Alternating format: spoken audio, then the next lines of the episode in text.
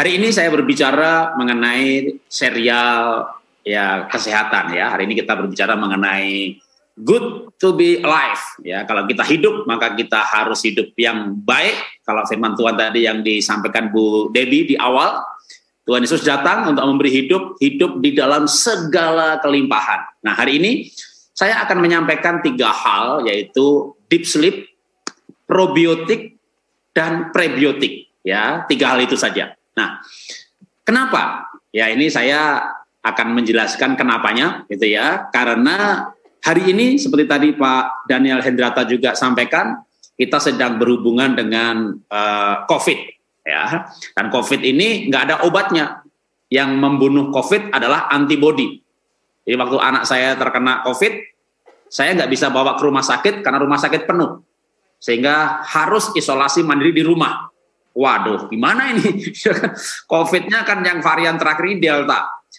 Tidak diuji klinis itu alfa atau beta, tapi dari gejala-gejalanya, oh ini Delta. Bahkan setelah sembuh, baru ketemu dokter lagi, Pak ada bintik-bintik merah nggak gitu ya? Ada tambahan seperti orang kena campak. Wah itu itu setelah delta ada varian namanya lambda, gitu. Lalu kappa. Nah ini sepertinya yang kappa pak. Kalau ada bercak-bercak merah gitu. Saya tanya Pak, kalau delta, kappa, lambda itu obatnya beda nggak? Sama Pak. Oh ya sudah.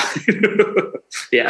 Nah, filenya boleh ditayangkan. Kenapa kita berbicara mengenai hari ini? Tadi saya bilang uh, deep sleep, probiotik dan prebiotik. Ya, karena kita berbicara mengenai COVID. Ya, file yang berikutnya yang menaik yang yang COVID. Ya. COVID ini tidak ada obatnya. Siapa yang melawan COVID yaitu antibody ya antibodi itu dibentuk oleh tubuh. Makanya kalau orang misalnya kenapa divaksin supaya tubuhnya memproduksi antibodi, antibodi yang akan melawan COVID. Ketika orang kena COVID lalu dia batuk, diobati batuknya supaya sehat. Kalau sehat dia produksi antibodi. Antibodi dibangun oleh asam amino dan lain-lain. Maka harus makan, nggak boleh nggak makan. Ya, sudah makan, sudah olahraga, kenapa antibodinya rendah? Karena tidak istirahat, karena diproduksi pada saat tubuh istirahat. Nah, itulah nyambungnya kenapa kita bicara mengenai tidur, istirahat. Karena pada waktu tidurlah, gitu ya. Tapi masalahnya adalah banyak orang tidak bisa tidur atau insomnia, ya. Itu orang tidak bisa tidur. Jam berapa itu? jam 3, jam 4 masih belum bisa tidur. Nah, mari kita baca firman Tuhan mengenai tidur. Mazmur 127. Ayat yang kedua. Sia-sialah kamu bangun pagi-pagi dan duduk-duduk sampai jauh malam dan makan roti yang diperoleh dengan susah payah. Sebab ia, i-nya huruf besar Tuhan, memberikan kepada yang dicintainya pada waktu tidur. Nah, kembali kepada anak saya. Anak saya makan sehat, bahkan cenderung uh, vegetarian olahraga jangan tanya lagi, rajinnya minta ampun. Itu kalau sepedaan gitu, saya pikir saya laki-laki dan saya juga merasa cukup sehat gitu ya. Yuk nak, kita naik sepedaan gitu. saya tepar di tengah jalan. Kalau dia kalau sepedaan itu rutenya dari Bintaro ke ke, ke GBK, Gelanggang, Gelanggang Bung Karno, bagi saya itu kejauhan gitu. Dari sana saya nyambung pulangnya mampir BSD. Pulang ya, aku tak lewat uh, Karawaci dulu. Jadi kalau dia kalau dia pulang sepedaan gitu, berapa kilo nih? 60. Besok lagi berapa nih? 80. Besok lagi sepedaan ke mana nih? Sampai ke puncak. berapa orang? 32. Terus ya saya cewek sendirian gitu ya. Waduh, itu kena COVID. Kenapa? Nah, itu boleh dikatakan seminggu terakhir dia lembur. Lembur sampai jam 2, jam 3 karena pekerjaannya luar biasa banyaknya. Rupanya memang kita itu butuh istirahat. Makan cukup, makan sehat, gizi bagus, hati gembira, tertawa terus. Kurang tidur, antibodi turun atau imun turun. Nah, karena itu kita akan belajar juga. Atau kita baca satu ayat lagi, setelah itu kita akan belajar pengkhotbah 3 ayat 1. Intinya dari pengkhotbah pasal 3 banyak sekali, tapi intinya di ayat 1 ya. Untuk segala sesuatu ada masanya, dan apa pun di bawah kolong langit ini ada waktunya. Nah, Pak saya sudah tidur Pak, deep sleep enggak? Apa yang menandakan ciri indikator kalau tidurnya itu diberkati Tuhan? Yaitu deep sleep, yaitu nyenyak, ya, terasa cepat, dan bangun tidur itu tidak pegel gitu. Ada orang yang udah tidur 8 jam 10 jam gitu, bangun tidur masih ngantuk aja. Tidurnya tidak bagus kualitasnya. Ya, tidurnya nggak nyenyak. Satu jam bangun, satu jam bangun, satu jam bangun. Kencing melulu.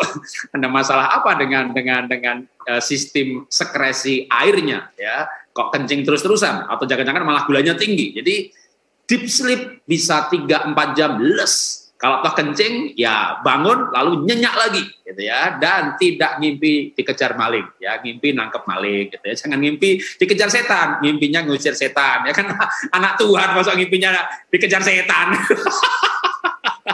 ngimpinya dicekik setan itu. Saya khawatir ada agama Kristen tapi belum lahir baru ya. Nah, maka kita perlu yang namanya menjaga kualitas tidur. Nah, gimana caranya? Nomor satu, aturlah jadwal tidur. Jadi tidur itu saya sudah udah seperti yang Bapak ajarkan Pak, 6 8 jam Pak. Iya, 8 jam. Mulainya tidur jam 2, bangunnya jam 10. Enggak.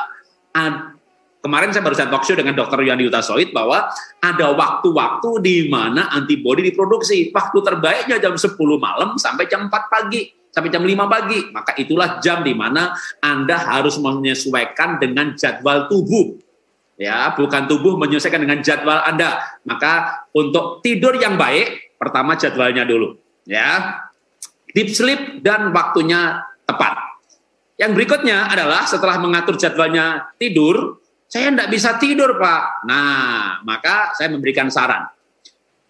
Boleh file berikutnya? Ya. Setelah setelah jadwalnya benar gitu ya, tapi saya tidak bisa tidur, Pak. Nah, kenapa? Ya jangan-jangan otak Anda masih aktif maka hindari kegiatan yang menarik. Ya, karena kalau Anda tertarik, gembira, endorfinnya keluar, ngantuknya hilang. Ya, ada kegiatannya apa? Main game. Waduh, paminnya keluar. Anda nonton film horor. Anda nonton film detektif yang pakai mikir, filmnya selesai, otaknya masih mikir. Nah, itu namanya susah tidur karena kebanjiran informasi, information flooded. Jadi orang milenial itu bukan kurang informasi, kalau zaman dulu-dulu ya atau orang generasi yang tua itu nggak banyak informasi ya. Makanya tidurnya pules gitu ya. Kenapa? Karena nggak tahu apa-apa. Dia nggak tahu sebelahnya mati covid tidur aja pules gitu. Jadi orang yang nggak tahu informasi itu kadang-kadang malah tidurnya pules. Oh dia nggak ngerti apa-apa, nggak ngerti saham harga berapa, dolar berapa, tidur aja pules gitu ya, sehat jadinya gitu ya. Makanya orang gila kan juga nggak kena covid ya kan. Yang gila kan hatinya gitu, jiwanya. Tapi dia nggak ngerti apa-apa gitu, dia nggak ngerti bahaya, dia dia dia hatinya begitu nggak nggak punya informasi apa apa jadi tidurnya pulas itu tapi kalau punya informasi waduh malah tambah stres. Makanya begitu orang di antigen gitu ya, positif aja. Batuknya langsung munculnya cepat banget itu. PCR kan tambah positif, hari itu dia pingsan gitu. Percepatan simptomnya, gejalanya menjadi lebih cepat lagi waktu banyak pikiran. Nah, itu yang membuat orang tidak COVID pun susah tidur karena banyak pikiran. Jadi kalau orang dulu kurang informasi, sekarang ini semuanya diakses, ya kan? Sehingga kebanyakan informasi jamnya tidur mau tidur. Otaknya belum tidur. Mikir ini mikir itu mikir tagihan mikir mikir pelayanan mikir uh, uh, rating mikir. Waduh makin banyak pikiran makin nggak bisa tidur. Ya mikir putus cinta lagi. Jadi kalau mau tidur gimana dong ya? Maka jamnya udah benar maka aturlah pikiran anda aturlah jadwalnya. Sebelum tidur, maka hindari kegiatan yang memicu otak menjadi aktif. Makanya kalau misalnya anak gitu ya, mau, mau tidur, jangan uh, udah selesai belajar baru mulai main game, ya malah tambah nggak bisa tidur. Sore-sore main game, malamnya tinggal belajar, ngantuk. Ibadah keluarga, tambah ngantuk. Baca Alkitab, ngantuk. Ya, obat tidur itu Alkitab. kalau yang tidak ngerti. ya. Tapi kita perlu menyesuaikan jadwal yang menggunakan banyak pikiran, bikin, bikin antusias, bikin takut, ya jangan menjelang tidur. Oke. Karena itu apa dong yang bagus? Menurut saya, ya boleh file berikutnya 30-60 menit menjelang tidur.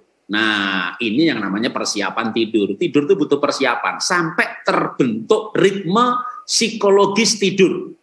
Jadi kalau misalnya mau mulai, wah ternyata uh, tidur terbaik itu mulainya jam 10 gitu ya. Anda mulai jam 9 ya jangan jangan gadgetan yang menarik gitu ya. Gadgetnya, googlingnya bahasa Ibrani-nya sehat tuh apa ya?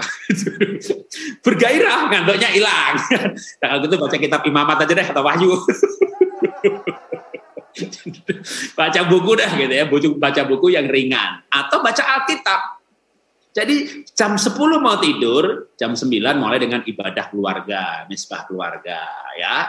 Atau baca Alkitab, baca buku yang ringan-ringan. Itu artinya kita mulai mempersiapkan. Ya kalau dulu secara keluarga ini ya, keluarga kami punya namanya misbah keluarga sebelum anak-anak keluar negeri. Jadi jam 10 kan kita mau tidur, ya. Jam 9 kita mesbah keluarga. Itu jadi kebiasaan ya. Nyanyi firman Tuhan cerita dongeng tanya jawab sedikit lalu good night tidur. Jadi kalau sudah mesbah keluarga itu udah langsung otaknya lama-lama terprogram. Ini mau tidur gitu ya sehingga suatu ketika anak-anak libur sekolah gitu ya pak libur jangan tidur jam 10 jam 11 boleh ya gitu. Ya boleh gitu kan. Tapi jam 9 jam 8 malah kita sudah mulai aja yuk mesbah keluarga saya belum mau tidur, saya belum mau tidur. Jadi kalau diajak mesbah keluarga, otaknya kepikir sudah mau tidur.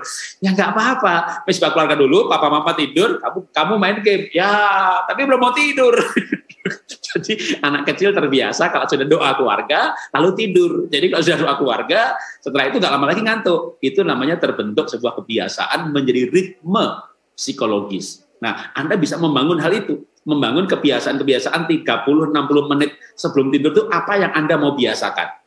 Itu menjadi persiapan psikologis ya, terutama bagi Bapak Ibu Anda yang susah tidur ya. Kalau ada orang yang habis ditagih nggak bisa bayar aja penagihnya pergi tidur. itu kasih karunia ya kasih karunia cuek nggak peduli apa yang terjadi tidur pulas wah itu itu berkat itu ya itu itu itu luar biasa nah waktu anak saya terkena covid Lalu di antigen yang nganter istri saya, positif hasilnya. Istri saya antar sekali ke kantor ngambil-ngambil data. Besoknya PCR, yang nganter PCR istri lagi. Jadi interaksinya intensif di dalam mobil bersama orang sakit COVID Delta yang penularannya luar biasa. Makanya, makanya pada waktu eh, anak saya terkena COVID ya, itu eh, di kantornya itu ada 50 pegawai yang satu ruangan itu 18-an orang, semuanya kena. Karena memang COVID Delta itu penularannya mudah sekali. Nah, tentu kan saya jadi mikir nih, wah ini kalau istri kena gimana gitu ya. Akhirnya ikut tes juga, wah tapi negatif. Tapi begitu dites negatif, tapi besoknya istri saya pingsan, mulai batuk lagi. Oh, jadi ini saya jadi mikir gitu ya. Nah, gimana caranya Pak? Kalau mau tidur pulas mah gampang Pak kalau nggak ada masalah. Gimana ada masalah? Anggota keluarga terkena COVID. Rumah sakit penuh. Itulah yang saya alami. Begitu jadi anak saya saturasi, dia kan tadi bisa bilang pola hidupnya bagus, ya. Lalu dia makannya juga bagus. Saturasi 99, bahkan pernah 199. Begitu kena COVID turun turun turun sampai 92.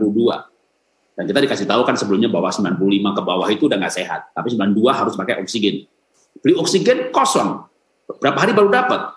Lalu mulai sesak nafas, Bahkan anak saya juga pada waktu hari yang keempat, itu pagi-pagi saya dengar kedubrak begitu ya. Ternyata saya naik ke lantai dua, di mana dia diisolasi, dia tergeletak di lantai. Dipanggil nggak menjawab. Wah sampai sampai banyak gitu ya. Jangan-jangan mati nih gitu ya kan. Sesak nafas sepanjang malam, batuk sepanjang malam, suhunya 39 setengah, sempat 40 berapa menit, lalu dikompres turun, besoknya digeletak di lantai. Wah ternyata dia cuma cuma pusing lalu jatuh.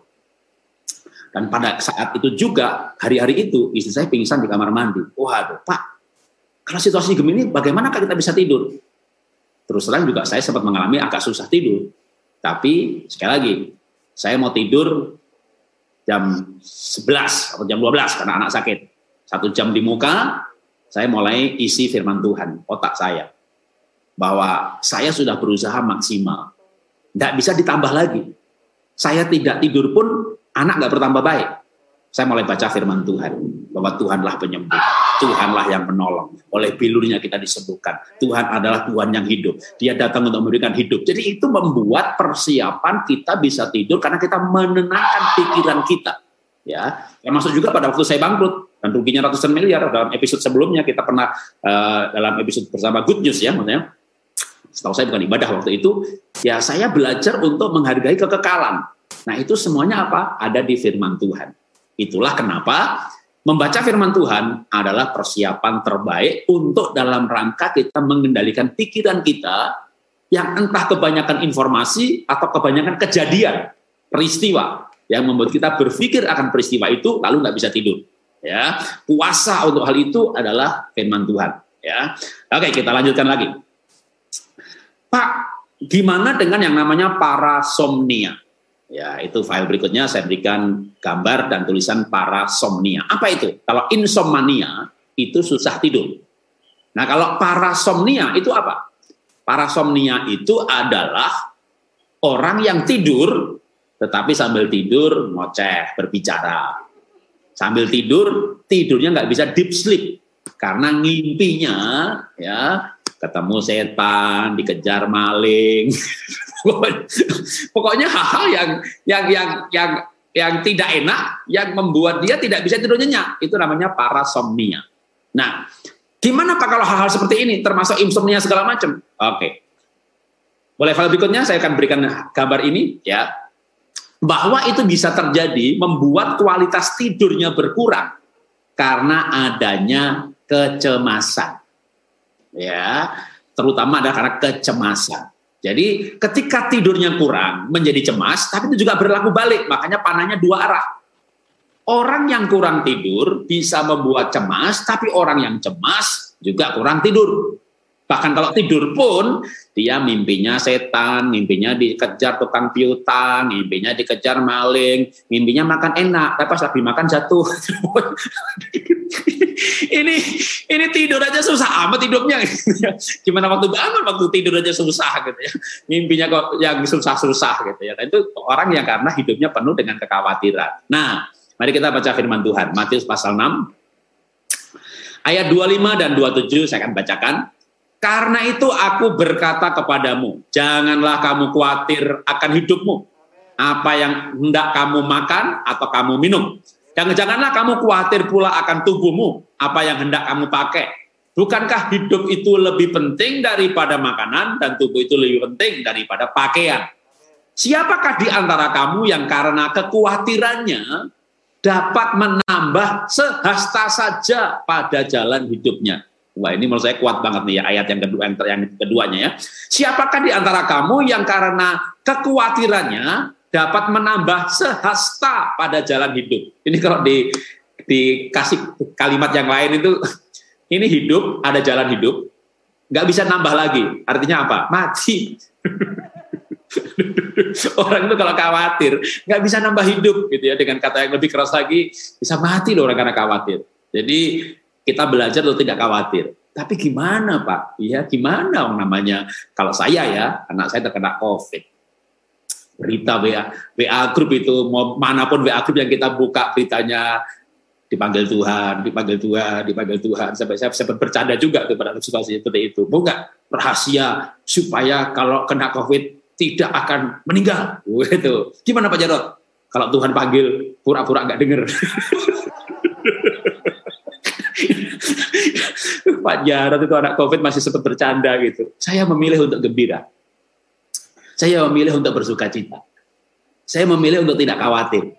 Karena kalau saya khawatir, apakah saya bisa menenangkan anak saya? Coba waktu anak saya saturasi di bawah 92. Lalu suhunya 39 setengah. Sesak nafas. Dia itu tanya begini, Pak, aku nggak dibawa ke rumah sakit. Pak, aku nggak dibawa ke rumah sakit itu pertanyaan yang menyayat hati saya.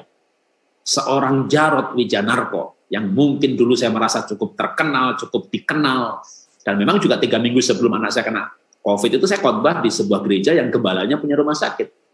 Istri saya hubungin dan mohon maaf Pak, eh, Ibu Esther, istri, istri saya namanya Esther, mohon, mohon maaf Bu, bukan kami nggak mau bantu, kami nggak bisa bantu.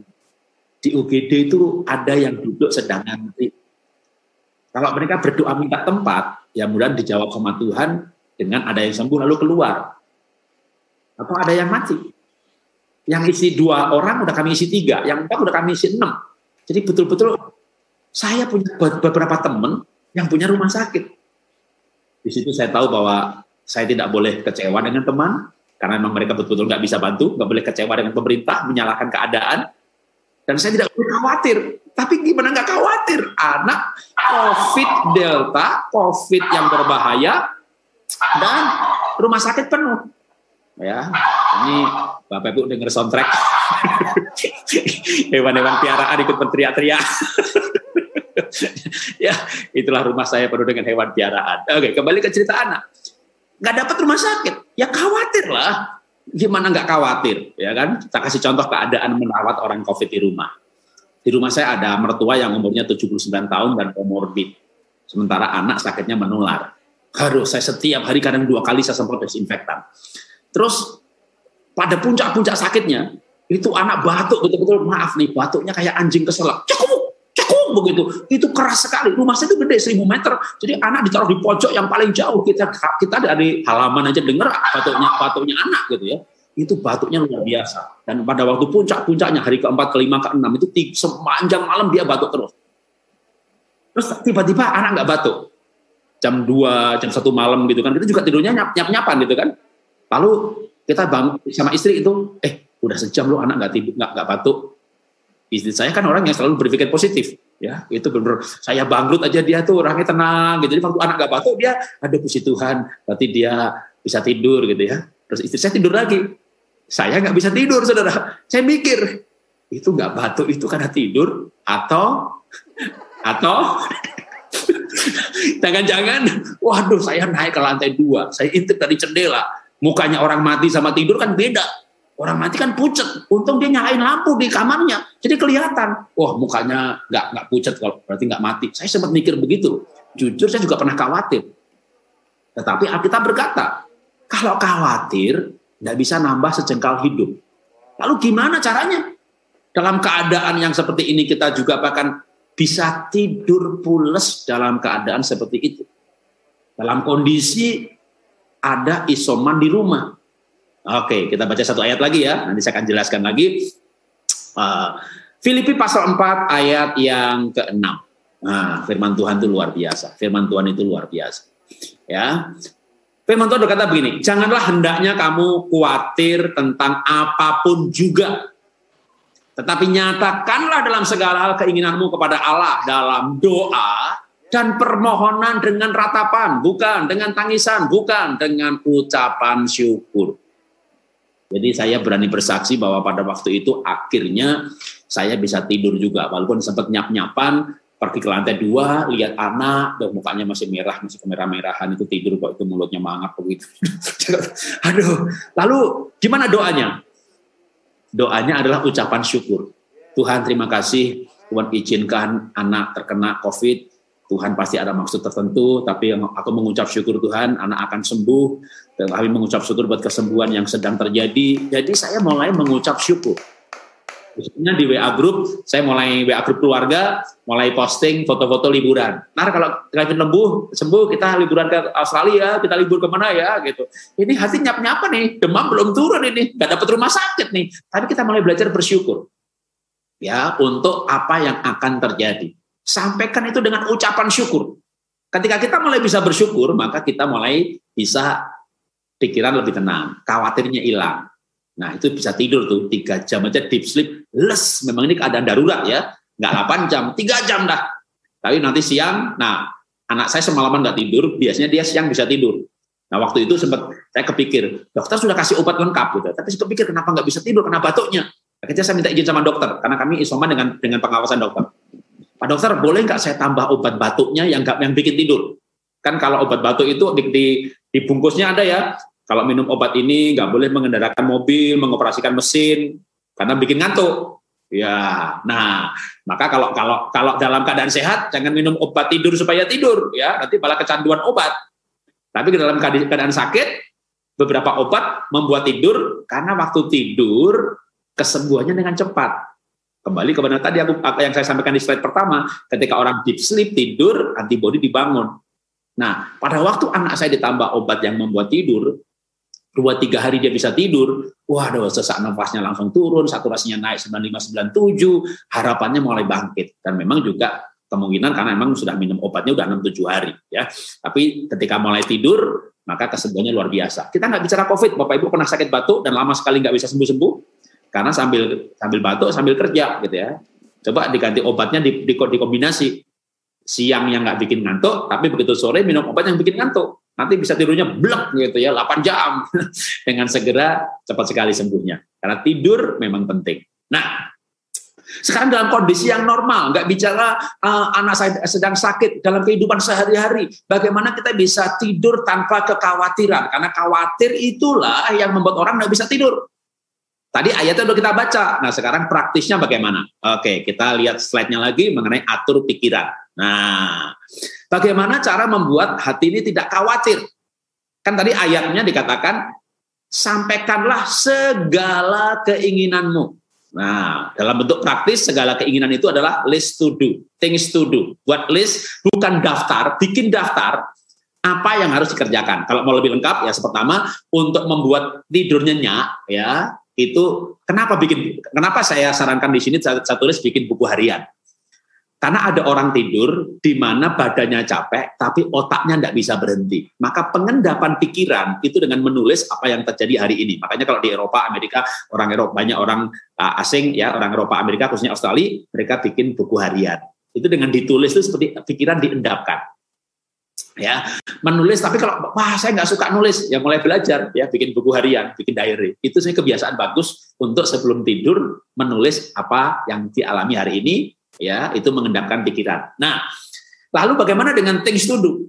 Ya, daftar apa yang harus dikerjakan. Itulah saya bentuk praktis dari ayat tadi. Sampaikanlah segala hal keinginanmu, gitu ya, kepada Tuhan. Dengan cara apa? Bikin daftar. Jadi begini, malam hari sebelum tidur, sekali lagi tadi kan tidurnya saya bilang jam 10. Jam 9 dari jam 9 itu isinya apa aja? bikin things to do sebelum saat teduh gitu ya. Besok saya mau ngapain ya? Tulis semuanya. Besok cek bikin sampel, cek penawaran harga, jadwal khotbah, studio, setting. Ini lagi juga mau nge-broadcast ini. Wah, bikin banyak sekali. Katakanlah ada 30 poin. Ya. Dengan apa ditulis semuanya, maka kita berangkat tidur tuh nggak mikirin yang tadi. Kenapa? Selain ditulis, susun prioritas. Uh, 30 ini yang benar-benar prioritas yang mana? Ini suruh anak buah, ini suruh sopir, ini suruh pegawai, ini uh, ngajak teman gitu ya. Jadi belajarlah untuk delegasi. Terutama kalau Anda seorang leader, pemimpin. Dari 30 yang harus dikerjakan, bahkan sebenarnya bisa juga di plotting. Oh ini minggu depan, ini harus besok, ini bisa lusa. Jadi semua yang dikerjakan kayak things to do bulan ini, things to do tahun ini, minggu ini. Akhirnya sampai pada things to do hari ini, tanggal besok, bikinnya malam hari. Ya. Sudah ketemu ada 10 poin bikin urutan prioritas sekarang. Begitu ini harus, ini nggak bisa nyuruh orang lain, harus saya. Ya, jangan semuanya harus saya. Itu namanya orang perfeksionis nggak percaya sama orang lain, nggak bisa tidur nanti. Tapi kalau percaya sama orang lain nanti untungnya berkurang atau rugi. Ya sekali-sekali bikinlah orang lain punya kesempatan, punya pengalaman rugi, sehingga lain kali di hati-hati kita mengurangi keuntungan tapi menaikkan kesehatan. Jadi kita nggak bisa dapat semuanya. Ya, maka ini orang lain disuruh. Oke, okay. akhirnya ketemu betul-betul besok tuh lima yang kita lakukan harus harus kita sendiri. Nomor satu, nomor dua, nomor tiga, nomor empat, lima. Udah, gitu itu kita bawa dalam doa. Besok tidur, kita bangun tidur nggak bingung apa yang dikerjakan. Nomor satu ini, nomor dua ini, nomor tiga ini. Bahkan besoknya itu nomor satu dikerjakan, jangan mikir nomor dua. Ini sedikit keluar dari tema ya. Ini bukan soal deep sleep, tapi produktif. Pak Jarot, nulis buku, ngelukis, Zoom, seminar, satu bulan, seminar berapa kali Pak? bisa 40-50 kali saya seminar, beda tema, 40 tema. Itu bisa 10% tema baru. Kayak ini aja, hari ini saya pernah tahun lalu filenya habis hilang. ini kan hari ini ada PowerPoint itu, saya tadi malam saya cari jam 9 itu. Udah sampai ada, saya punya 8 eksternal hard disk. Karena banyak banyak file video klip sampai punya eksternal hard disk yang masing-masing 4 tera, itu punya 8. Nyari sampai setengah 10 nggak ketemu. Udah, bikin things to do. Besok pagi pertama bikin bahan khotbah ini khotbah belum ketemu, berarti harus bikin lagi gitu. Tidur, ya tidur. jam, jam 10 tidur pulas, tapi sampai jam 4, 6 jam lumayan ya kan. Tadi pagi jam 4 bangun, bikin bahan khotbah gitu ya. Jadi ada orang yang kalau belum selesai nggak bisa tidur gitu. Ya itu belum bisa mengendalikan pikiran. Kan kita sudah bilang, besok pagi bangun lalu bikin. Masuk eh, kebaktian jam 10 bikin jam 4 nggak jadi gitu ya. Maka saya bikin tuduh, lalu tidur, besok kerjakan nomor satu. Wih, apa waktunya cepat sekali. Oke, kita lanjutkan ya. Nah, yang berikutnya adalah bagaimana bisa menaikkan kualitas tidur. Tadi ayatnya kan berkata begini, Sampaikanlah segala keinginanmu dalam doa dan ucapan syukur. Jadi ucapan syukur itu bisa dalam bentuk praktisnya nyanyi. Nggak bisa nyanyi, dengar lagu. Jadi Anda membantah apa lagi coba ya? Saya nggak bisa nyanyi, dengar lagu gitu ya. Tapi jangan mau tidur jam 10, jam 9 dengar lagu. Ya, uh, apa? Uh, lagu-lagu yang jedok jedok jedok jedok bangkit serukan nama Yesus. Jadi bangkit nggak tidur itu ya. Lagu-lagu yang rileks lagu-lagu yang tenang yang membuat rasa nyaman. Nah, itu pilih begitu. Berikutnya lagi. Supaya dengan tidur lebih pulas lagi kalau kemarin ini ilmu dari dokter Royandi Utasoid ya matanya ditutup. Ya kecuali anda punya pasangan suatu keluarga memang kalau tidur lampunya dimatiin semuanya tapi siapa tahu Anda punya pasangan yang kalau tidur itu lampunya harus nyala gitu ya. Penakut dia takut setan. kalau saya bukan bukan soal berani gitu ya. Kalau tidur matiin semuanya kenapa? Nyirit. Puluhan tahun orang miskin ya kan tidur ya lampu matikan semuanya gitu ya. Tapi kalau ada yang biasa terang lalu Anda nah Anda harus belajar untuk gelap. Dalam arti kalau pasangannya maunya terang, Anda tutup mata ya. Kalau dokter Yani Utasoid baru talk show sama dia, dia cerita bahwa ketika tidur lampunya terang beneran, tubuh masih mendapat respon rangsangan bahwa ini belum malam. Nanti dia nggak produksi antibodi. Jadi ada beberapa enzim ataupun antibodi sini jumlahnya banyak ya, jenisnya banyak. Makanya orang itu divaksin cacar muncul antibodi untuk cacar. Dia masih harus vaksin flu, dia masih harus vaksin campak, dia masih harus vaksin virus. Jadi antibodi sendiri, waduh, ilmunya jelimet juga, tapi spesifik ya. Nah, itu produksinya juga spesifik. Nah, tapi yang pasti butuh waktu istirahat untuk diproduksi itu. Makanya Alkitab itu nggak salah bahwa Tuhan memberikan kepada yang dicintainya pada waktu tidur. Apa yang diberikan? Di antaranya antibodi. Ya, kesehatan untuk bertahan hidup dalam kesehatan yang prima. Oke, kita lanjutkan sekarang secara cepat saja. Yang ini saya mau berikan cepat supaya masih ada waktu 10 menit bagi saya untuk uh, bagian terakhir ya. Uh, supaya tidurnya pulas gitu ya, saya menyarankan untuk uh, tutup mata dengan kain ya. Yang berikutnya adalah minum kopi. Anda boleh minum kopi sebaiknya pagi 9 sampai 10, kalau toh mau dua kali, sorenya paling lat jam 4, jam 6. Pak, saya minum kopi jam 9 bisa tidur. Deep sleep enggak? Waktu tidur ngoceh enggak? Waktu tidur mimpi yang nggak bagus nggak. Jadi itu mempengaruhi. Maka di, ada namanya coffee time atau tea time. Itu kenapa dibikin jam begitu secara budaya turun temurun? Karena memang ada pengaruhnya pada kualitas tidur. Berikut lagi, berikutnya lagi bagi orang yang susah tidur adalah olahraga. Olahraga terbaik itu pagi.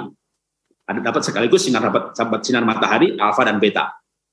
Olahraga jam 9 selesai jam 10 setengah 11 dapat dua-duanya alfa dan betanya. Tetapi bagi orang yang susah tidur anda boleh olahraga sore atau malam, begitu capek pasti gampang tidur, kan begitu. Jadi olahraga sore ini sebenarnya untuk yang masih punya pola kesulitan untuk tidur. Ya, berikutnya lagi sekarang. Makan malamnya jangan banyak-banyak dan juga jangan kelaparan. Lapar nggak bisa tidur, kekenyangan tidurnya pun tidur, tapi tidurnya tidak deep sleep, tidak berkualitas. Oke, kembali lagi ke masalah COVID. obat kalau kenapa minum antibiotik? Karena COVID-nya bikin paru-parunya terluka, maka dikasih obat supaya paru-parunya sembuh, gitu ya. Tapi antibiotik tidak membunuh virus. Yang membunuh virus sekali lagi antibodi. Antibodi diproduksi oleh asam amino dan beberapa bahan yang lain, makanya harus makan protein. Tapi kalau saya minum susu kentut, Pak, karena di susunya ada kasein yang susah dicerna maka kita lebih baik minumnya yang sudah berupa asam amino gitu ya. Gimana caranya Pak? Maka proteinnya difermentasi menjadi makanan probiotik ya. Nah, probiotik sendiri itu juga akan memproduksi enzim karena dari asam amino menjadi antibodi prosesnya itu butuh katalis. Nah, katalis itu enzim. Enzim itu selain diproduksi oleh tubuh, diproduksi juga oleh probiotik. Nah, itulah kenapa 10 menit terakhir saya akan gunakan berbicara mengenai probiotik ya. Oke. Okay. Apa sih probiotik? Itu, probiotik itu jenisnya, boleh gambar berikutnya? Ya, itu bisa yogurt, kefir, kimchi, tempe, kombucha, keju, tertentu itu probiotik. Berikutnya lagi adalah prebiotik. Apa itu prebiotik? Makanan buat probiotik. Jadi supaya probiotiknya dalam tubuh itu sehat, berkembang biak, dan menghasilkan enzim, dan bukannya menghasilkan enzim yang akan membangun antibodi, mikroba baik juga membunuh mikroba jahat kalau bakteri penyakitnya berupa mikroba. Mikroba itu bisa jamur, bisa bakteri, bisa mikroba jahat, ya. Itu bisa dibunuh juga oleh si probiotik ini. Selain probiotik menghasilkan enzim. Tapi supaya probiotiknya sehat dalam tubuh kita, bakterinya bagus gitu ya. Kalau ada probiotiknya bagus itu di, di tubuh Anda, indikatornya apa? Gampang. Maaf nih, BAB BOL-nya lembek, tidak mengambang. Ya, tapi tenggelam dan lembek. Maka nggak ada namanya orang susah BAB gitu. Kalau orang probiotiknya cukup. Nah, sekarang saya akan bicara mengenai probiotik dalam waktu yang singkat. Saya berhentikan PowerPoint-nya saja, tapi saya langsung demoin aja ya. Waktunya 6-7 menit masih bisa ya 10 menit maksimal ya. Nah, jadi saya ambil sambil saya bicara ya, maafkan saya sambil bicara, saya ngomong sambil produksi. Nah, ini ini uh, susu probiotik karena banyak orang minum susu kentut, mencret. Kenapa? Karena tidak tidak bisa mencerna kasein. Ya, kasein itu protein rantai panjang. Maka susu ini dikasih benih kefir. Ya, kefir salah satu probiotik. Ini difermentasi selama tiga hari. Kalau sudah tiga hari, maka ada cairan bening yang di bawahnya, namanya ini kefir bening atau W. Lalu ada yang putih. Nah, ini saya langsung demonstrasikan gimana cara memanen dulu gitu ya. Manennya ini dikocok-kocok aja. Supaya saya buka sebentar tutupnya ya. Kayak bunyi sedikit bus gitu ya. Karena kalau waktu dikocok-kocok dia keluar gasnya. Karena fermentasi memang menghasilkan gas, tapi kadang-kadang gasnya ketahan pada waktu nah, lagi. Nah, terus kalau ini sudah dikocok-kocok, maka tercampur lagi bening dan dan pudeknya. Lalu, nah saya punya udah siapin di sini, ini saringan, ya saringannya harus dari plastik. Sendoknya juga plastik karena kefir itu asam. Jadi supaya enggak kalau besi nanti kan dia bisa eh, bereaksi, tergerus ya, maka plastik. Nah, kenapa kita minum probiotik? Karena kalau kita sakit apa pun juga, maka tubuh kita itu ya ini ini eh, saya naikin dikit ya. Jadi ini eh, susu probiotik udah jadi dituangkan ke ke wadah plastik, lalu digoyang-goyang. Nah, saya mundur sedikit. Ya. Kenapa digoyang-goyang? Supaya cairannya turun. Nah, cairan yang turun ini yang siap diminum. Jadi, lalu yang yang tersaring saya tunjukin ya. Nah, saya goyang sedikit ya. Ini ampasnya. Ampasnya ini bentuknya kayak butir-butir ya. Itulah benihnya kefir. Jadi benihnya itu seperti butiran jagung, seperti ada yang bilang juga kayak mutiara. Saya tambah lagi biar banyak. Anda bisa beli online. Kefir itu bukan produk nama merek, jadi saya nggak mengendorse merek tertentu, ya. Tapi nama produk jenisnya, ya. Oke, nah ini benih kefir ini bisa dibeli di online, ya. Belinya kalau beli benih kefir, Google-nya nyarinya adalah kefir green. Tambahkan kata green, ya butiran. Karena kalau nggak pakai kata green, nanti dapatnya yang bubuk atau kayak bubur itu sekali pakai. Tapi kalau yang berupa kefir green seperti ini, maka ini sekali seumur hidup. Saya dapat bibit ini sudah 8 tahun yang lalu, nggak perlu beli lagi. Jadi kalau saya lihat di online itu eh, harganya kira-kira 200 ribu dapat 50 gram. Itu bisa untuk bikin 500 mili, setengah liter. Kalau satu liter ya butuhnya 100 gram ya, tapi paket jualnya biasanya 50 mg harganya sekitar 200 ribu, beli aja segitu cukup untuk 500 mili setengah liter. Dengan dibikin dengan diproduksi seperti ini gitu ya, itu nanti makin lama benihnya makan bukan berkurang, makin banyak. Karena ini makhluk hidup. Jadi makin lama makin banyak, makin lama makin banyak. Nanti dua bulan sekali malah bisa berdua kali lipat. Tadinya belinya 50 mg jadi 100 bisa bikin yang seliteran. Dua, dua, dua bulan lagi. Belah dua kasih tetangga.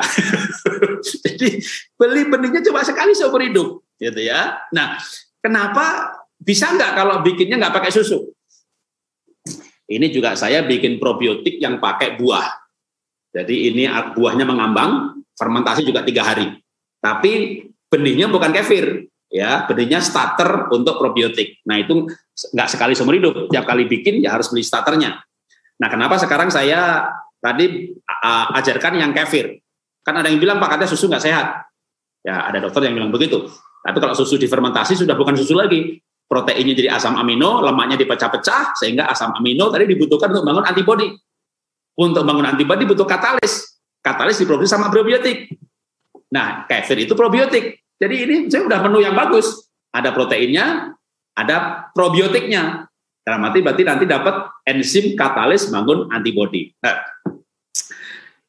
saya lupa bawa satu wadah lagi untuk menampung yang sudah dipanen, jadi saya tunjukkan di wadahnya aja. Yang di bawah ini cairan tadi yang sudah disaring, itulah yang diminum. Ya, bisa dimasukkan ke wadah botol dan disimpan mau sebulan dua bulan kalau dalam kulkas nggak masalah. Ya, nah nanti ampasnya tadi dikembalikan ke botol pembuatan, dikasih susu, itu cuma dibutuh waktu tiga hari di suhu ruangan. Jadi kalau dimasukkan kulkas, fermentasinya berhenti. Saya mau keluar negeri satu bulan, benihnya kasih susu, masukin kulkas dia fermentasinya pelan banget, tapi ada susunya, maka dia nggak akan mati, dia hidup. Sebulan lagi, dua bulan lagi, keluarin dari kulkas, taruh di suhu ruangan, fermentasi berlanjut lagi. Udah cuma begitu. Jadi kalau saya bikin satu liter, satu liter itu habis untuk keluarga selama tiga hari, maka sebenarnya yang di ini nggak pernah masuk kulkas. Yang masuk kulkas adalah yang sudah uh, disaring. Yang disaring, airnya minum, masukin botol, masukin kulkas, dihabiskan selama tiga hari. Benihnya dicampur susu lagi, saya lupa nyiapin susu untuk demonya. saya udah lengkap. Jadi nanti ini yang benihnya tadi masukin pada ini lagi, ya isi susu, taruh di suhu kamar. Udah begitu aja. Setiap tiga hari, saya pribadi bikin ini sudah 8 tahun. Jadi sejak 8 tahun lalu dapat benih kefir, tiga hari sekali bikin satu liter ya muter bahkan tetangga-tetangga saya sudah dapat pembagian benih kefirnya dan ngajari ibu-ibu juga bikin kefir. Nah dengan demikian maka tubuh kita secara asupan gizi sudah ada, istirahat sudah ada, olahraga sudah ada, tambah satu lagi probiotik. Karena kalau kita sakit apa pun juga, dokter kasih antibiotik. Antibiotik ini membunuh semua probiotik termasuk mikro, membunuh semua mikroba termasuk mikroba baik yang disebut probiotik, pro kehidupan. Maka kalau habis sakit terutama ya, minumlah probiotik.